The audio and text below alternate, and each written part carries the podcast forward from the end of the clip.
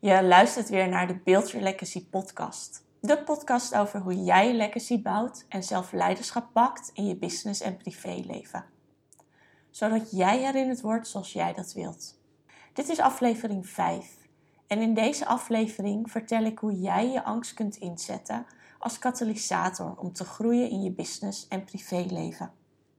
Ik heb het vandaag over angst en over hoe jij door het ongemak heen kunt bewegen en waarom je waarom daarin zo belangrijk is.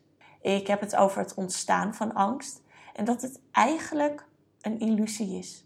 En hoe we als mens alles doen met een reden om pijn te vermijden of plezier te verkrijgen. Ik vertel je meer over mijn angst en hoe ik mijn pijn inzet als katalysator. En ik geef je aan het eind een mooie gratis oefening die je kunt inzetten om meer inzicht te verkrijgen in jouw pijn en pleziermotivatie. Zodat het jou kan helpen in de keuzes die nodig zijn om next level te groeien. Luister je weer mee? De Build Your Legacy podcast is voor de hardgedreven female leader die klaar is om haar eigen stem te volgen en een nieuwe versie van zichzelf te unlocken.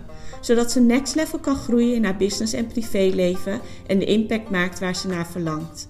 Ik heb het over zelfleiderschap pakken in je leven, praktische tips om te groeien in je business, maar praat ook over persoonlijke ontwikkeling, mindset en deel persoonlijke ervaringen. Geregeld nodig ik andere female leaders uit om hun verhaal te delen en jou te inspireren om nog meer legacy te leven. Mijn naam is Namfon en ik begeleid jou in het transformatieproces naar de Dear versie die nodig is voor het next level dat jij voor je ziet.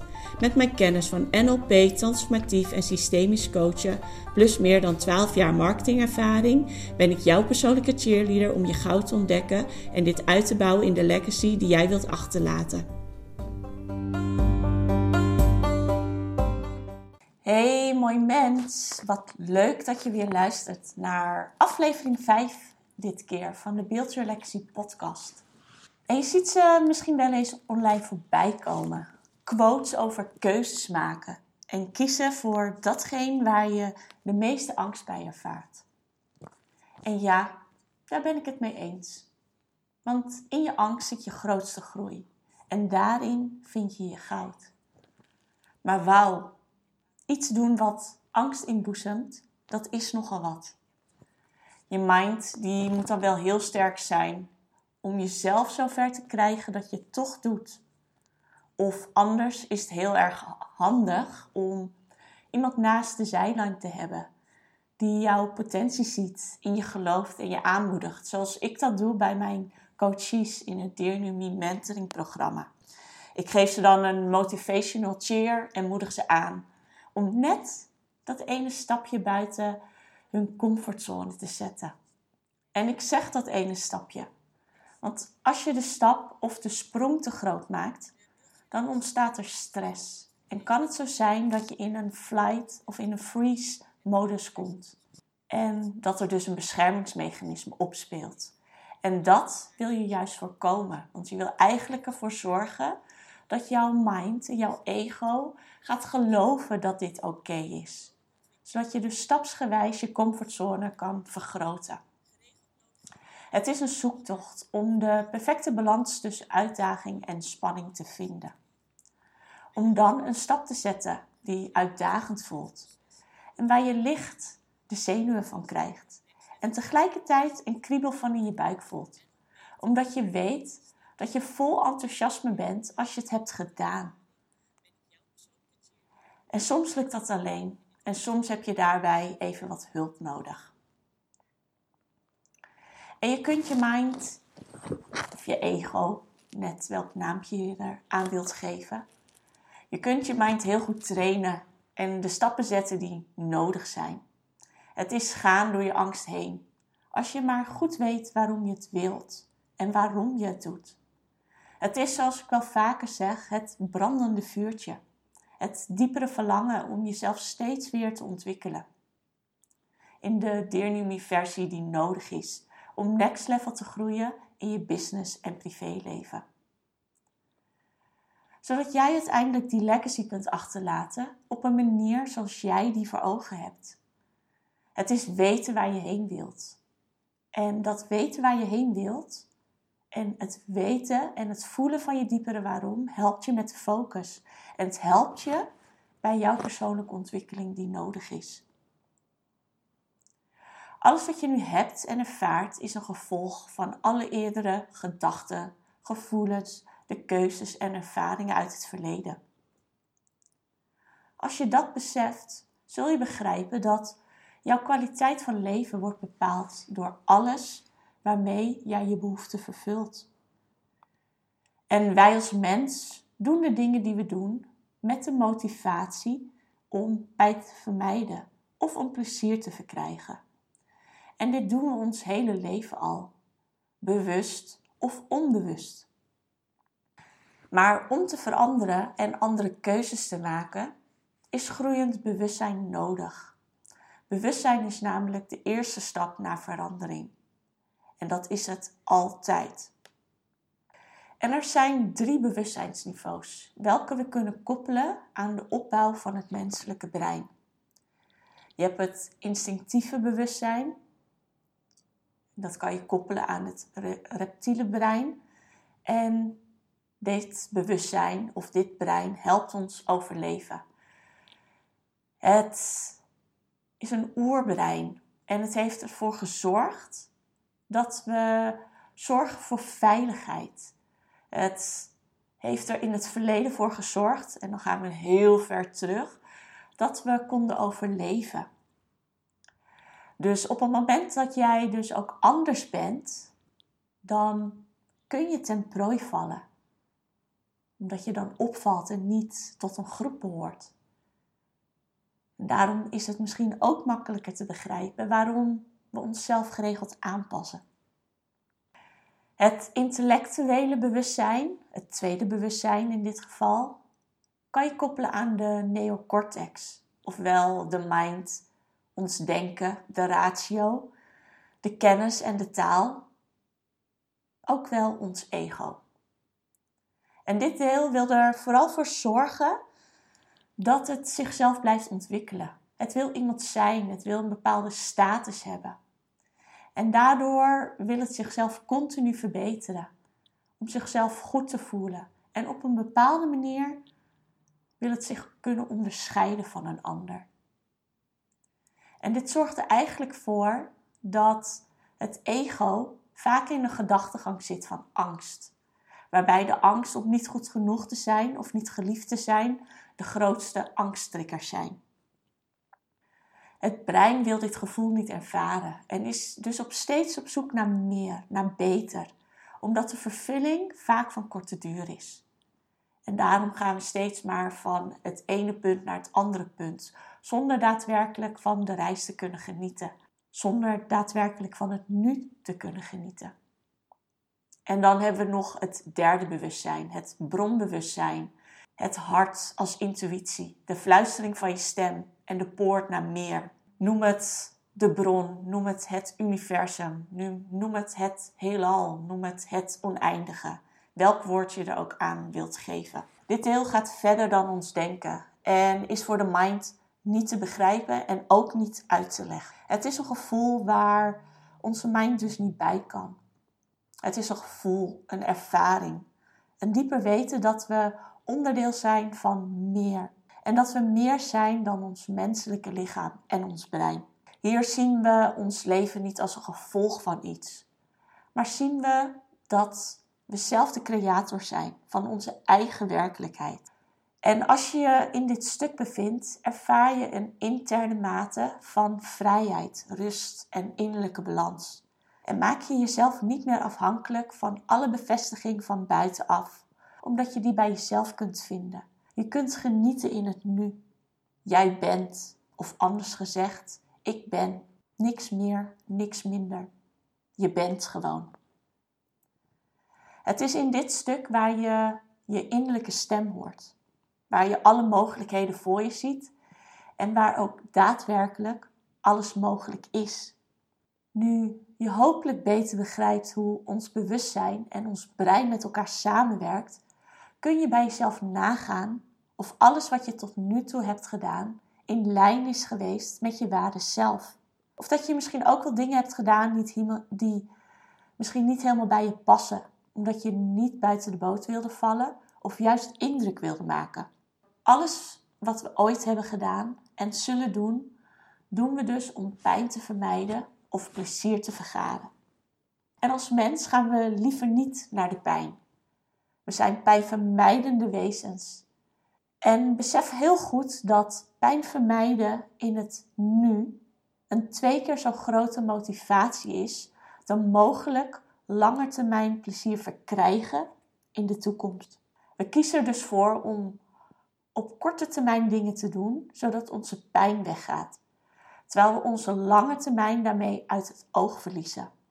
En het is daarom goed om jouw diepe motivatie te onderzoeken, zodat je je kans van slagen voor de lange termijn kunt vergroten. Als jij namelijk weet wat de lange termijn je oplevert, ben je in het nu meer bereid om door het ongemak heen te bewegen. Maar belangrijk is wel om te zien wat het je nu direct al oplevert. Dit is namelijk een katalysator voor de motivatie. En het zorgt ervoor dat je volhoudt en stappen zet. En besef je verder goed dat de toekomst een illusie is. Je weet namelijk niet of die ooit komt.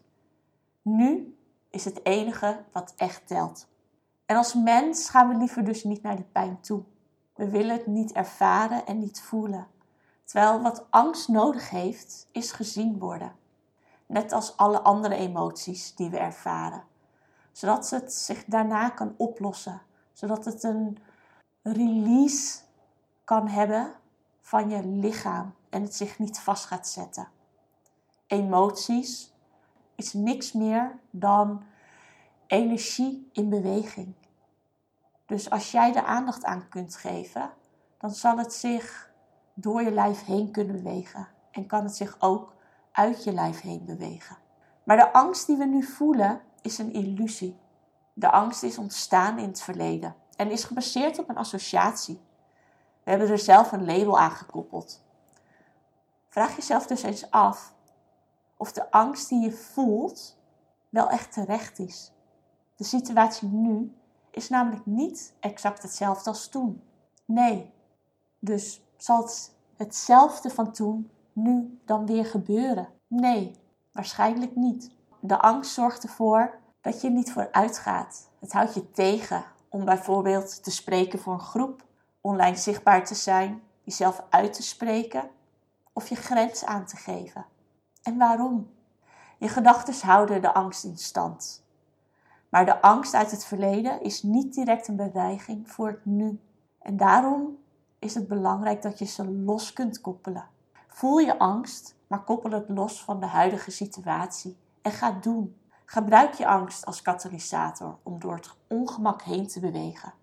Als mens hebben we, zoals ik al eerder zei aan het begin van de podcast, de angst om niet geliefd te zijn. Of de angst om niet goed genoeg te zijn. En één van deze twee zal je meer raken. En mijn grootste angst is om niet goed genoeg te zijn. En die angst heeft er in het verleden en soms nog steeds voor gezorgd dat ik mezelf vergelijk met anderen. Ik vind dat ik nog meer kennis moet hebben, nog meer dit, nog meer dat, voordat ik goed genoeg ben. Ik vind dat ik goed moet doen om gezien te worden. Ik doe het wel zelf. Ik moet die zijn. Zij is beter dan ik. En ja, ook ik heb mezelf wel eens aangepast, zodat ik geliefd zou worden. Maar inmiddels besef ik ook wel dat mezelf vergelijken met iemand anders helemaal geen zin heeft. Want ik kan nooit iemand anders worden. Ik kan alleen maar mezelf zijn. En mezelf alleen maar met mezelf vergelijken. Met mezelf van een minuut geleden, van vijf minuten geleden, van gisteren. Of van nog langer terug. De angst om niet goed genoeg te zijn heeft me ook veel gekost. Maar het heeft me, en ik wil ook dat jij gaat omdenken, het heeft me ook heel veel gebracht. Een medaille heeft altijd twee kanten: een positieve en een minder positieve kant. Het heeft mij gebracht dat ik een onwijze drijf heb om beter te doen, om door te zetten. Niet zomaar genoegen te nemen met minder. En ik heb bepaalde keuzes gemaakt op het gebied van opleidingen, cursussen, carrière. Ik heb kennis ontwikkeld op verschillende vlakken en heb een grote mate van empathie en respect, omdat ik weet waar ik zelf vandaan kom. Ik wil beter voor mezelf en heb daarom een honger om mezelf continu te ontwikkelen. En ik denk wel dat die altijd zal blijven. Ik wil goed voor mezelf en het leven van mijn legacy. En heb de kwaliteiten in mij om dat te bereiken. En natuurlijk word ik ook nog wel eens tegengehouden door mijn eigen hersenspinsels. En maak ik mezelf kleiner dan noodzakelijk en doe ik niet altijd de dingen die nodig zijn. De angst om niet goed genoeg te zijn, het heeft me ook heel veel gekost. Ik liet mezelf dus niet altijd zien. Ik zette anderen in plaats van mezelf op de voorgrond. En ik gaf niet altijd mijn mening, omdat ik vond dat ik nog niet belangrijk genoeg was.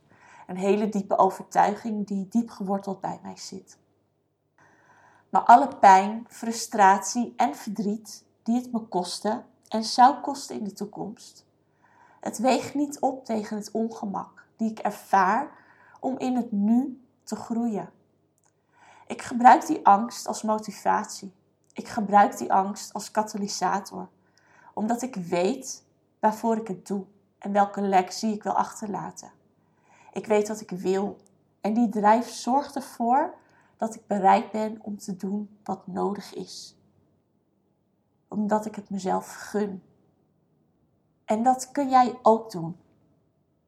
En ik heb daarom een oefening voor jou, zodat jij meer inzicht kunt krijgen in jouw pijnvermijdende gedrag en jouw motiverende gedrag. Je kunt hierin beter ontdekken wat jou drijft.